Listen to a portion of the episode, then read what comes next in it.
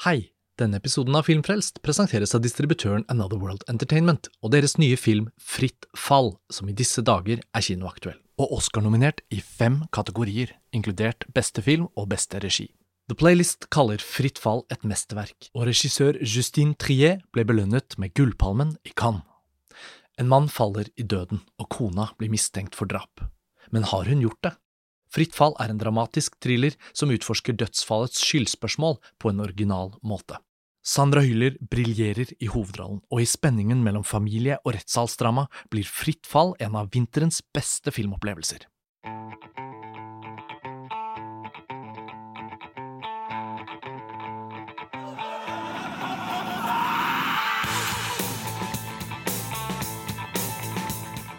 Hei og velkommen til en ny episode av Filmfrelst, podkasten fra filmtidsskriftet montasj.no.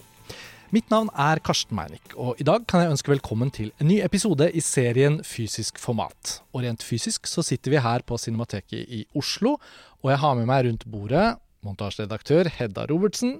Hei. Hei, Hedda. Og kritiker og redaksjonsmedlem i Montasj, Benjamin Jazdan. Velkommen. Hallo. Og i dag skal vi snakke om et spesialarrangement en visning av Jacques Rivets myteomspunne, vil jeg si, 13 timer lange filmepos, Out One. Jeg har alltid omtalt denne filmen som Out 1, fordi jeg ennå ikke har sett den selv, og jeg lærte i dag at den heter Out One. Nåli med tangere, som er liksom sidetittelen i tillegg. Jacques Rivette er jo da en nybølgefilmskaper, ofte omtalt som, hvert fall, men som har på en måte laget film over så mange tiår at han har på en måte staket ut litt sånn sin egen plass i fransk filmkultur. Og han ble veldig gammel, han døde litt ut på 2010-tallet. Um, husker jeg ikke årstallet på stående fot, men han har i hvert fall en veldig sånn omfangsrik filmografi med denne Out One som en sånn enhjørning, nettopp fordi den i så mange år var så vanskelig å få sett. Og selv om den er utgitt på fysisk format, så skal vi nå eh, se filmen på Cinemateket i Oslo lørdag 2. mars og søndag 3. mars i denne spesialvisningen som Cinemateket i Oslo i samarbeid med Montasj har arrangert. Og dere to, Hedda, særlig deg, er da primus motor for dette innad i Montasj. Og i anledning visningen, så, og denne holder jeg den i min hånd, så utgis også en bok du har skrevet, som heter Jacques Rivette. Tre tekster. Og to av tekstene har vært publisert på montasje i, i, en form, og nå utkommer det da altså i bokform, pluss et nytt essay om Le Bande de Quatre fra 1989. Stemmer det? Ja, det stemmer. Altså, essayen om Out One og Labellen Belle Nocieuse ble jo opprinnelig skrevet på montasje. Mm. Og så er det det siste da som ble skrevet nå i vinter for uh, boka, da. Og det er en veldig vakker bok. Jeg, eh, jeg, gleder meg til at den blir presentert, og det skjer også da på lørdag 2. mars, når dette arrangementet går av stabelen klokken ett her på Cinemateket. Mm. Og derfor har vi da samlet oss for å snakke både litt om Out One og Rivette og boken, og hva som måtte falle oss inn. Og det er litt gøy å ha fysisk format som eh, underoverskrift når det kommer til både en fysisk filmvisning, for nå er jo filmen sporbar eh, ute på internett, og det går an å kjøpe den på Blu-ray og sånn og sånn, men det å ta fatt på en 13-timers film er jo også en så stor investering av sitt fysiske vesen inn i en kinosal, eller foran en skjerm hjemme, at eh, disiplinen som man får av en fysisk visning her på Cinemateket i Oslo, den overgår jo den disiplinen man ofte har hjemme i sofaen og sånn, da. Så OK. Hvor skal vi starte? Hedda, Jacques Rivette og Out One. Hvor startet din interesse for denne filmen og denne filmskaperen? Mm, altså Den første jeg så av Rivette, det var den eh, 'Nonnen' med Anna Karina. Mm. Som jo er en helt annen type film. Eh, fra jeg tror det var 1966, og som ble um, sensurert da i Frankrike. Før den senere fikk premiere også da i Cannes. Um, så det var vel uh, da jeg ble oppmerksom, eller bevisst på Rivett. Uh, mens Outbound så Benjamin og jeg sammen uh, på Mubi. Og da var det over fire kvelder, tror jeg ja, kanskje. Ja, jeg tror vi delte den i, ja. delte den i fire. Da, Benjamin, mm. du hadde heller ikke sett den tidligere da? Jeg har ikke sett den før. det var bare en sånn tittel for meg. jeg hadde sett ganske lite av Rivette. egentlig vel bare den Céline og Julie og en av hans tidlige filmer, den som het uh, Paris tilhører oss. Ja, på Paris norsk. nous appartient, eller ja. noe sånt. Den har jeg også sett. Ja. Som jeg egentlig ikke ble så veldig fengsla ved sin tid. Jeg syns den var litt tørr. Uh, men nå som jeg har fortapt meg i Rivette, etterpå. Ja. Så kommer jeg til å ta et gjensyn med den. Men jeg var liksom, Rivette var mer sånn navn jeg har gått mer tradisjonelt til verks med fransk nybølge også. Ja. Før siste årene at liksom Chris Marker og Rivette og de litt sånn utkantene av årets filmografi og sånn appellerte veldig, da. Eh, så nå, akkurat her og nå, så tror jeg liksom Rivette kanskje er ved siden av Romer, da. Den store favoritten fra fransk nybølge. Men det er, det er gøy. Jeg, jeg kom til Rivette uh, pga. den filmen, faktisk. da Og nå skal jeg ikke si den på fransk utrolig mange ganger. eh, 'Paris belongs to us', eller 'Paris tilhører oss'. Eller. Men det er den filmen som Antoine Duanel med sin mor og stefar går og ser i The 400 Blows. Ah, Eh, ja. Og eh, jeg var veldig det var, liksom, Truffaut var jo min inngang til nybølgen da jeg begynte å sette meg inn i den delen av filmhistorien som ung student. Og jeg syns det var så fascinerende at det var en ekte film, og at Truffaut visste at Rivette hadde laget den, men den hadde ikke ennå hatt premiere. Så den ble liksom plantet inn i The 400 Blows. Og så viste seg at den var ikke så lett å få has på. Og plutselig en gang hvor jeg var i, i London, så oppdaget jeg at den skulle vises på BFI South Bank. Og da benyttet jeg anledningen sånn Det er sånn romantisk øyeblikk når man har blitt litt eldre og har fått små barn og alt det er sånn. At jeg var alene der og bare dro ned i London til, på egen hånd på formiddagen og jeg gikk inn på cinemateket der og så Paris nous appartient, eller hvordan den uttales da. Og eh, Rivette er jo en filmskaper jeg da fortsatt har mange hull eh, liksom i hans filmografi som ikke jeg har sett. Men da du, Hedda, hadde skrevet om La Belle Noiseuse, uh, og jeg skulle lese teksten din og gi deg tilbakemelding sånn, da poppet jeg den Blu-rayen og så den filmen, og det var jo bare sånn Det var i fjor sommer. Og da fikk jeg en aha-opplevelse, da. Nå er jo Out One fortsatt en film jeg da har til uh, gode å se, så jeg syns jo det at dette arrangementet kommer opp, er jo helt sikkert noe veldig mange kan kjenne seg igjen i. At i hvert fall våre mest filminteresserte lyttere vil jo ikke være fremmed for Rivettes navn, men det er jo en film mange ikke har sett ennå. Så um, hvor begynner man liksom for å selge inn det å gå og se Out One, da? Altså, um, filmen starter jo på lørdag 2. mars klokken ett. Da holder dere en innledning, og programmet til liksom denne lille visningsfestivalen, minifestivalen, det ligger ute både på Montasj nettsider og Cinemateket i Oslo sine nettsider. Men er det delt opp i naturlige kapitler? Hvordan liksom trer filmen frem? Skal vi ta lytterne litt gjennom det? Ja, altså Out One er jo faktisk en slags eh, serie. Eh, den er delt inn i episoder. Eh, så vi kommer på lørdag til å se fire episoder i to tidsbolker.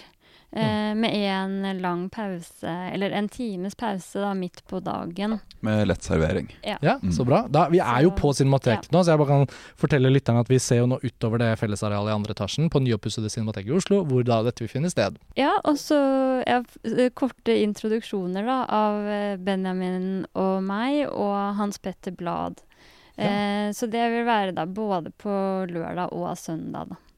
Og for de av lytterne som skal i barnedåp på søndagen, liksom. Hvordan er det, det for, for man burde jo virkelig komme på dette på lørdagen og få med seg både presentasjonen av boken din om Rivette, og i hvert fall åpningen eller starten av Out One, da, for de som ikke har mulighet til å sette av hele helgen. Men hvordan, hvordan liksom tas vi inn i dette filmen? der? Så Hva er det som skjer i denne filmen? Jeg vet jo litt selv, men jeg spør noen ledende spørsmål. Altså, hvordan skulle vi sette ord på hva slags film dette er, da? Det, den ligner jo ikke på noen annen film. Den er også veldig ulik Rivets både tidligere og senere. Sånn som eh, 'Labellen og Suez', som du nevnte, er jo et helt annet form for drama. Mm. Mens Out One er veldig spesiell med at den er eh, improvisert. Så den starter kanskje med det mest utfordrende partiet, som er et slags sånn Artaud-inspirert eh, kroppsdrama. Eh, med skuespillere som bare ligger på gulvet og hyler i tre kvarter eller noe sånt. Så det er jo noe som Det er kanskje en liten sånn terskel i starten, men det var også det som gjorde begge oss virkelig liksom dratt inn. Mm. Eh, at det er en helt sånn annen følelse av tid, og noe som er utenfor manus, da. Eh, så man kommer inn i en litt annen rytme ved å dedikere seg til filmen, da. Mm. Ja, for den, er jo, den har liksom på den ene siden både disse veldig lange strekkene av improvisert kroppsutagering, eh, sånn lange friteaterseanser, som etter hvert også blir veldig suggererende og hypnotiske og morsomme, Mm. ikke minst. Og etter hvert også litt triste eh, utover i filmen, på sitt vis. Og samtidig også denne liksom hangen til mysterier, konspirasjoner, plott på veldig mange plan. Da. Mm. Altså Den er jo laget i 1971, eller kommer ut i 1971. Og hvis vi skal Mm. sammenligne med et par av de andre Nydbølgeheltene da, Godard er jo da gått over i sin absolutt politiske Ja. fase. Mm. Um, Romer holder på med sitt. Uh, Truffaut Altså, hvor var Rivette da han lagde Out uh, One? Liksom, hva er det han er tilsynelatende mest opptatt av i den filmen? 71 er også det året hvor Godard lager den i si eh, ailleurs, eh, eller Her og der, Here and Elsewhere, som det heter på engelsk. Eh, som er en sånn litt desillusjonert refleksjon over Ironisk nok, da, i og med at han er i sin, sin mest maoistiske periode, eh, så reflekterer han litt eh, melankolsk rundt eh, et sånn tapt mulighetsrom at det ble ikke noe av 1968. Eh, og her sitter familien hjemme og konsumerer eh, nyheter på TV Ja, uten å kunne klare å gjøre revolt. Eh, Romer er jo apolitisk og egentlig ruralkonservativ og er det hele veien. Og dra på sommerferie og ta med kamera Ja. liksom, år etter år. Ja.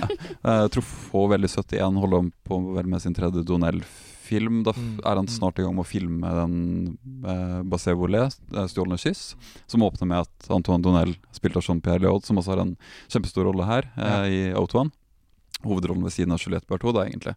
Eh, men altså i Truffauts film eh, kler av seg militære kostymer og går inn i kunsten. Eh, Mm. for Truffaut var kanskje noe mer av en sosialdemokrat. Rivette posisjonerte seg jo kanskje innenfor karrieremiljøet. I en fase så var han jo støttende til den maoistiske dreiningen, uh, uten at han er eksplisitt politisk i filmene. Men som jeg har liksom snakket om, og som blir implisitt ganske tydelig, i hvert fall i Out One, Mm. er at det kan, den, eller hele filmen kan forstås som en slags sånn etterskrift eller koda til de knuste drømmene etter 1968. Da. Ja, Så den resignasjonen har egentlig truffet allerede tre år etter. Altså Det er så rart å tenke på, Mm. for når vi spoler tilbake og ser på sånne punkter i, i film- og kulturhistorien, og sånn som 68-opprør og sånn, så føler jeg jo at 71 skulle tilsynelatende være rett etter. Men så ser vi Ja. på vår egen tid nå, så tar vi, går vi tre år tilbake fra nå, da. Mars Mm. 2024, liksom. Så er vi da 2021. Altså, det er ikke noe Vi er midt i Eller vi er på starten av slutten på pandemien. Det er ikke noe krig i Ukraina. Det ikke, altså sånn, ting skjer jo ekstremt fort, og vi bytter jo stemningsleier som felles liksom, samfunn veldig fort. Og det er noe av det fineste med å se eldre filmer som tar opp i seg sin tid, er jo også å se hva var de opptatt av, hvordan ble det fanget opp i Og, og, og med den franske nybølgen, eller i hvert fall de filmskaperne som fikk sitt gjennombrudd med det, ut fra karrieremiljøet, og så følge dem gjennom tiårene, 60-, 70-, 80-tall. Det er veldig fascinerende å se de skift, hvordan de skifter, da. Det er jo i stor grad en behandling av 1968. Og så føler jeg det handler også litt sånn om barn og voksne, eller voksne som eh, forblir barn. Eh, så særlig de to på en måte hovedpersonene i en film som egentlig ikke har hovedpersoner. Eh, men Juliette Berto og Jean-Pierre Léaud, de er begge to drømmere. Mm. Eh, de går rundt og har ingen sånn veldig faste holdepunkter, egentlig. Bor liksom på hvert sitt sånt eh, En liten ettroms, da. Og er litt sånn De lever fortsatt i eh, drømmen, på en eller annen måte. Med mye sånn eh, New Age-aktige rekvisitter. Særlig Berthaud, da. Ja, det, er, eh, det er morsomt med Jean-Pierre Laud er liksom ironisk nok den som Eller blir sånn et implisitt fokalpunkt i filmen, den som holder ting litt samla eh, gjennom et forsøk på å samle ting. Eh, han er liksom på sporet etter en storstilt konspirasjon, eh, inspirert av Balzacs roman romansyklus eh, 'Historien om de 13'. Man får vel egentlig aldri, og det er ikke en spoiler engang, man får vel egentlig aldri vite hva den konspirasjonen består i. Hva han er ute etter å finne svar på. Ja, hva, hva han egentlig lurer på. Um, det er også, apropos sånn uh, karriere og nybølgeintern intertekstualitet, så er jo Balzac også den store helten til Anton Donner, Ja, helt ja. tilbake til uh, Ja. 400 Blows, eller Ja. På vei mot livet.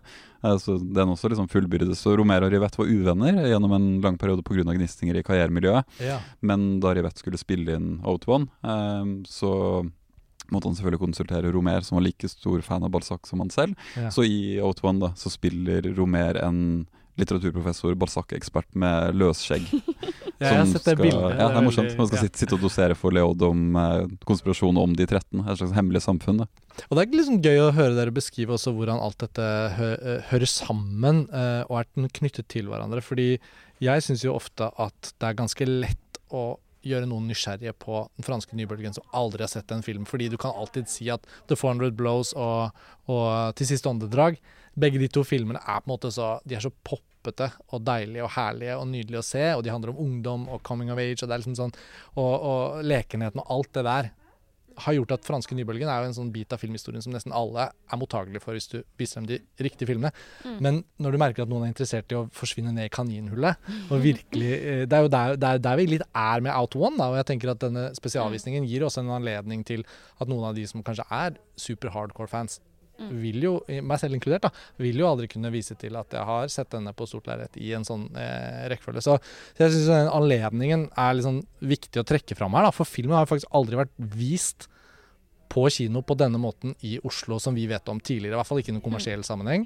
Eh, det fins kanskje en obskur filmklubbvisning som noen kan ha kjørt på en gammel 16 mm-rulle, eller noe sånt, men restaureringen og den utgivelsen på Blu-ray har ikke direkte ledet til en relansering på ordentlig. Eh, vi har vist til i teksten på montasje om arrangementet at det ble gjort én visning på filmfestivalen i Tromsø Mm. for noen år siden, men utover det så har det jo ikke vært noe. Så Um, når det kommer til arrangementet, så, så har jo den lørdagen som dere beskrev, den innebærer jo da er det omtrent første halvpart av filmen, og så fortsetter vi med andre halvpart på søndagen. Mm, Den er jo delt inn i naturlig da også av Rivette. Og det skal også nevnes, det blir jo ofte glemt at den er medregissert av Susanne Schiffmann, Mm. eh, som var såkalt script girl, eh, som det het på den tiden, på brorparten av Trofås eh, publikumssuksesser. Mm. Mm. hun, er vel, med- hun er jo medregissør på den også. Eh, delt inn naturlig åtte bolker, apropos TV-serieformat, skal bare skyte inn det. Ja. At Out One er vel det første filmverket som åpner hvert av avsnittene sine med en recap av hva som har skjedd i forrige episode. Bare at det, de recapene består av svart-hvitt-fotografier eh, tatt av en ekstern fotograf på settet Skjønner. under forrige innspilling. Så det er et eget formgrep der som på en måte Ja. distinguerer det som Mm. en sånn ja. Mm. Jeg syns også det med altså, Apropos kaninhull, da. Rivette var jo superopptatt av uh, Alice i Eventyrland. Eh, mm. Og Louis Carroll eh, opptrer også i filmen her. Jean-Pierre Léaud går rundt i gata og er resiterer sant, sånn er nonsensvers fra um, The Hunting of the Snark Ja. på, på engelsk. Mm. Men jeg nevnte jo boken din eh, her i starten, Hedda. Og jeg synes, eh, Nå sitter jeg og holder den fortsatt, og jeg fikk så lyst til å bare høre deg fortelle litt mer om, om den siste Rivett-filmen som du skriver om der, som ikke vi har vært innom ennå. Og nå skal jo selvfølgelig alle lytterne løpe og kjøpe denne boken, og komme på lørdag. Det er en veldig fin liten utgivelse. Jeg vil si den er på høyde med en hånd. Og den lå så fint i håndflaten. Sånn, man kan føle seg litt som Jean-Pierre Leod hvis man tar, tar opp denne på T-banen og resiterer høyt. Det er en veldig fin utgivelse. Du, har jo, du er jo forfatter, så du har jo gitt ut bøker før, så jeg vet ikke hvor romantisk det føles å gi ut denne. Men fortell litt om denne siste filmen her, 'La Bande de Quatre'. Den har jeg nesten ikke hørt om engang. Eller altså, jeg ikke- vet ikke hva den handler om. Uh, nei, altså det tredje kapitlet, 'Sceneskrekk i rødt', eh, er tittelen. Og det er en veldig rød film fra 1989. Uh, og jeg selv er jo født i 1987, og jeg har veldig sånn nostalgisk følelse for uh, filmer fra den her tiden. Mm. Noe med koloritten, fargene og eh, Det er spesielt også et sånt jentefellesskap da, i eh, La Bande Squatre. Så vi er inne i et teater. Eh, så sånn sett er det mm, en parallell til Out One, eh, men Ja. et veldig annet type teater. Ja. Eh, noe litt sånn merkelig, for nå er vi på en måte mm, Hvor mange år etterpå blir det? Altså 18. 18 år etter. Og teatret er på en måte mer inspirert av Molière, som jo er fra 1600-tallet. Eh, så mye mer sånn tradisjonelt, da. Mm. Eh, Artaud er på en måte forlatt eller tilbakelagt litt akkurat her, da. Mm. Så jeg syns det var veldig interessant å se denne filmen opp mot de to andre. Eh, litt sånn hvordan Rivette har både utvikla seg og tatt med noen elementer, da. Og så var det ja, litt sånn spesiell eh, måte, eller at jeg skrev det veldig sånn intenst i vinter, fordi Martin eh, på forlaget Hoff, som boka er gitt ut på, eh, ville eh, gi ut boka til festivalen nå, da. Så den er jo skrevet for eh, Egentlig i anledning at det er festival her nå, da. Ja, altså hvor, mange, hvor stort opplag er det, da? 300 bøker er det. Ja, Så for alle samlere for fysisk format her, så er det jo da kamp om disse 300 eksemplarene. Um, og det er ikke utgitt mange norsk, eh, norskspråklige originalskrevne bøker om rivett. Apropos at ikke Nei. Out One har blitt vist i Oslo tidligere. Så dette er jo en fin anledning til å løfte fram Vi var jo innom franske nybølger nå i flere setninger og flere på en måte refleksjoner, men Rivette må jo være en av de som mange kan navnet på, men som færrest har sett filmene til. Det føles ut som at han ligger liksom og vaker i et litt sånt Godard har liksom alltid vært det ikonet, på en måte. Truffaut døde litt ung, laget kanskje de mest populære filmene. Romer er en litt sånn Mm. smakfull estetiker som alle kan bare kose seg med filmene til. Lagde ganske mange filmer. Mens Rivett, han liksom Mm. jeg, jeg er ikke klok på han ennå, men jeg har veldig lyst til å bli det. Det er vel ganske mange som kjenner til den Celine og Julie.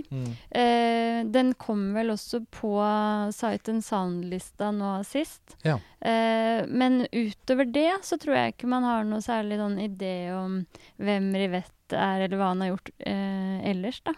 Nei, Så- kanskje fordi han er ja. så eklektisk, da. Det er ikke så lett å definere og si sånn 'han er sånn', eller Nei, nei. eh, man, det er en del sånn regi-særtrekk som går igjen, som man kan spore fra ganske tidlig av, og en del oppheng og fetisjer og besettelser. mm. Som eh, særlig gjelder dette med hemmelige samfunn og teaterrom og mysterier og, og sånt. Eh, jeg må bare skyte Jeg syns den firebanden, uh, som da skrev som det siste essayet, Ja, er absolutt, en, absolutt en av de beste filmene til Rivette. Mm. Helt, eh, helt glemt. Men apropos Romer, så er det jo kanskje hans også mest Romer-aktige film, med veldig mange romerinner i hovedrollene. Eh, så de som de Han har siste plukket fra ja, ja. Romers 80-tall, på en måte. Absolutt. Ja. Det er mange av de jeg har inntrykk av i det er i Norge i dag som har liksom oppdaget Romer, som har gått Ja. mye på Cinemateket. Ja. Jeg føler egentlig hver nye generasjon oppdager Romer. Ja, tror jeg også. Um, vil ha stor glede av Er hun fra den denne, grønne solstrålene? Nei, hun kunne ha vært det. De er vel egentlig ganske ukjente, de fleste av dem, bortsett fra én som har også vært i et par Claire Denis og Asayas-filmer. Ja. Nå husker jeg ikke navnet. Natalie et eller annet. Ja. Men, eh, er med i ja. Hun er teaterinstruktøren. Eh, så hun Ja. Jeg liker den franske nybølgen Cinematic Universe. Altså, det, er jo, at det, det er jo faktisk Desto mer man ser, og desto flere filmskapere man setter seg litt inn i, desto mer gir det mening på kryss og tvers. da. Det er det. De lager liksom sin egen fanfiction, på en måte. Ja. Eh, Men Out, er jo på mange måter Den anses jo kanskje i en del kretser som sånn nybølge for viderekomne, Ja. men jeg tror samtidig også det er en helt fantastisk introduksjon, da. Ja. Det er veldig mye som utkrystalliseres og samles i filmen. At det er morsomt med en film som er såpass liksom preget av tidsånd og så utfrika, og som Mm. Hedda også sa preget av New Age. uh, men at valget av tittel uh, er en sånn indirekte polemikk fra Rivette fordi han var så lei av tune-in-mantraet og droppe syre og høre på psykedelisk musikk. At han skulle gjøre det motsatte. Det er ut, out isteden. Er det det det kommer fra? Ja. Det. Og de er veldig mye i gatenettet, Mm. som jeg da også skriver mye om i essay om, om den. eh, at det er en veldig flanerende film. da. Og er det altså denne ekstratittelen som man bruker når man skal omtale hele altså det er, De fleste gangene denne filmen nevnes, så snakker man jo om den som Out One. Men den heter jo også Out One Noli Me Tangere. Mm. Hva er det det henviser til? Ja, som Benjamin var inne på i stad, så er det eh, fra Bibelen vel at eh, når eh, Jesus på en måte gjenoppstår, Mm. eh, så er det han som sier 'ikke rør meg'. Eh, så det er også da motivet på boka der, fra, fra Angelico, eh, som har et maleri med denne tittelen. Så da ser man hendene som strekker seg, men ikke, Mm. ikke rører hverandre. Ja, jeg sitter og ser på den. Veldig vakkert eh, formgitt også, da, boken.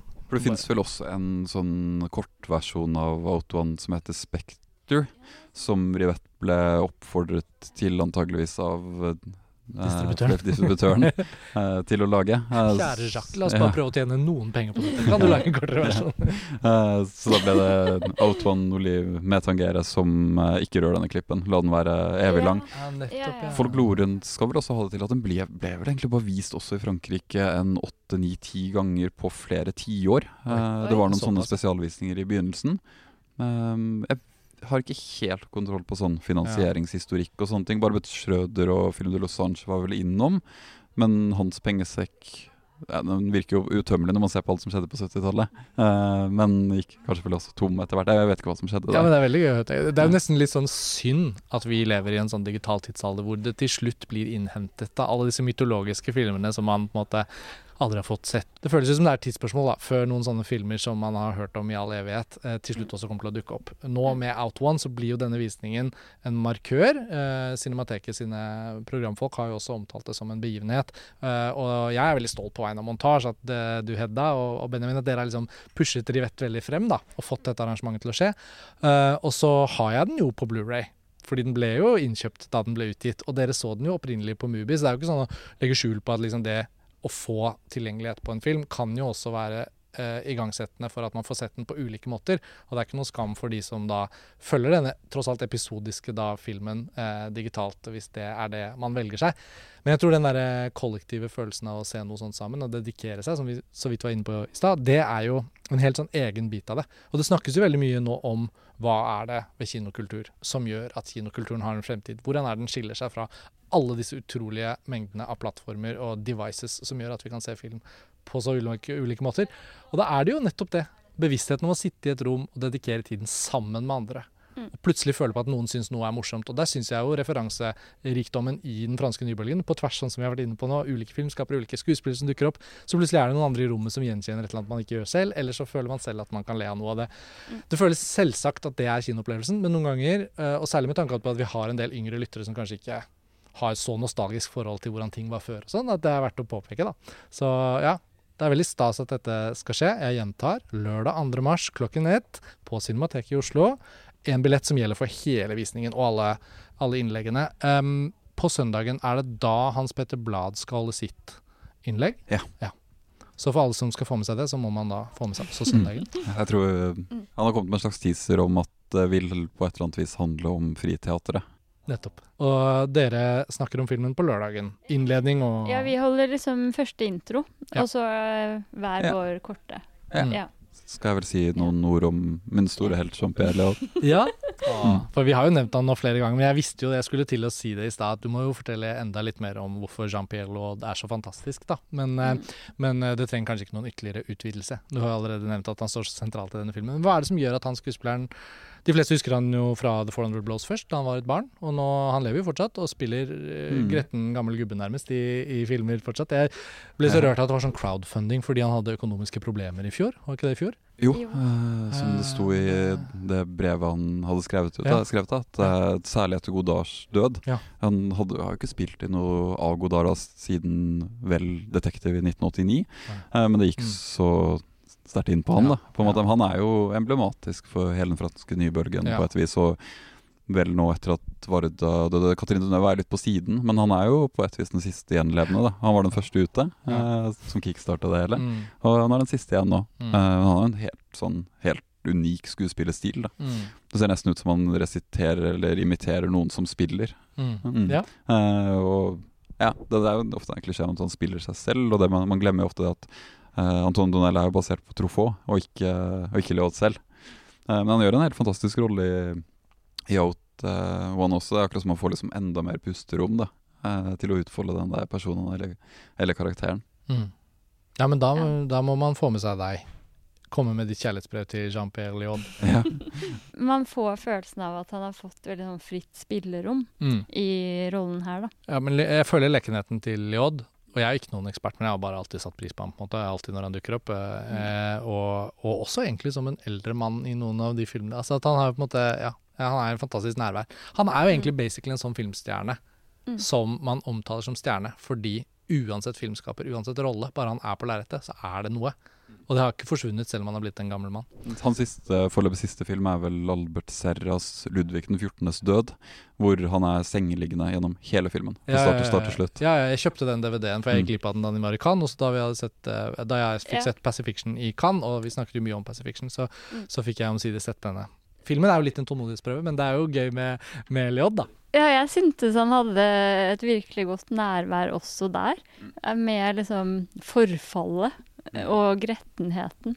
Skulle man satt en filmessayist på oppgaven med å sette sammen en hel livsreise mm. bare med Leod på lerretet, og tatt biter fra alle filmene han har vært med i, så kunne man jo sett for seg å følge hans aldringsprosess eller modningsprosess gjennom ulike filmroller. Det kunne vært ganske fascinerende å se. Jeg holder på med det jeg ser nå. Er det sant? Ja, fantastisk. Det gleder jeg meg til. Um, siste, siste sånn promo her, Hedda, av boken din. Den skal presenteres her, det har vi sagt. Uh, den er veldig fin. Og den er utgitt i 300 eksemplarer. Hvordan kan man da For dette er jo i spalten fysisk format av Filmfrelst. Lytterne våre samler på film. De er interessert i fysisk format både som kino og som bok, ikke minst. Det er ikke så mange norskspråklige filmbøker som gis ut heller.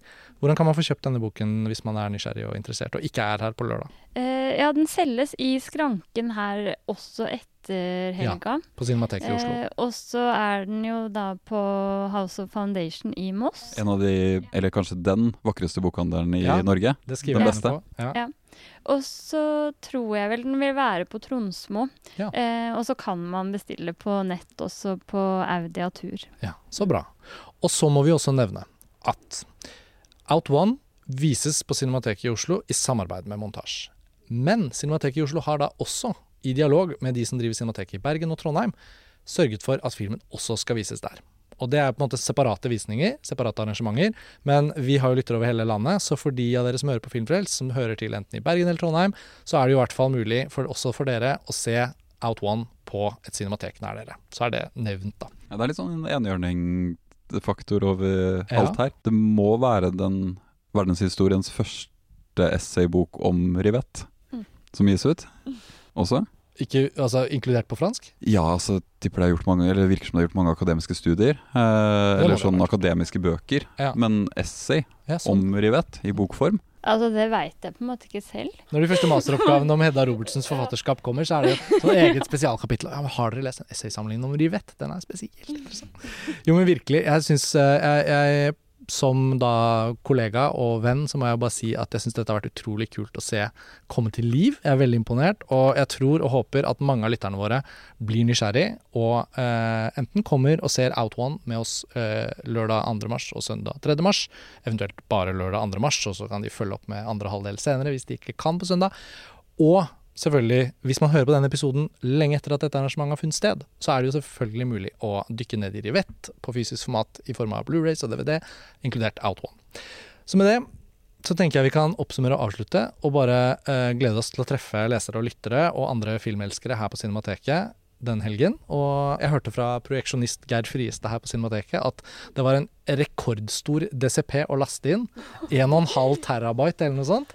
Men alt er altså klart. Det er filmhistoriens Altså når det gjelder spillefilmer, da, med en sammenhengende lengde, selv om den er delt inn som en antologi, eller som en antologifilm, så er det filmhistoriens tredje lengste film. Nå blir man, veldig, blir man veldig nysgjerrig på hva som er de to lengste, men Jeg husker ikke, eh, men Vi trenger ikke Outvon ta er et par plasser over Shoa. eh, Og Ja, og ganske mange timer forbi Shoa, da. Ja, og, Og Satan Tango. like eh, Nesten dobbelt så lang som Satan Tango. Ja, Ja, ja. Satan Tango er som kortfilm å regne. Ok, idrettsprestasjon i vente for de som dedikerer seg til Out One til helgen. Hedda og Benjamin, tusen takk for praten. Og håper vi høres igjen snart på Filmfest. Det var en stund siden dere begge har vært gjester nå, så nå nytt år, nye muligheter. Mm. Takk, Karsten. Ha det bra. Ha det.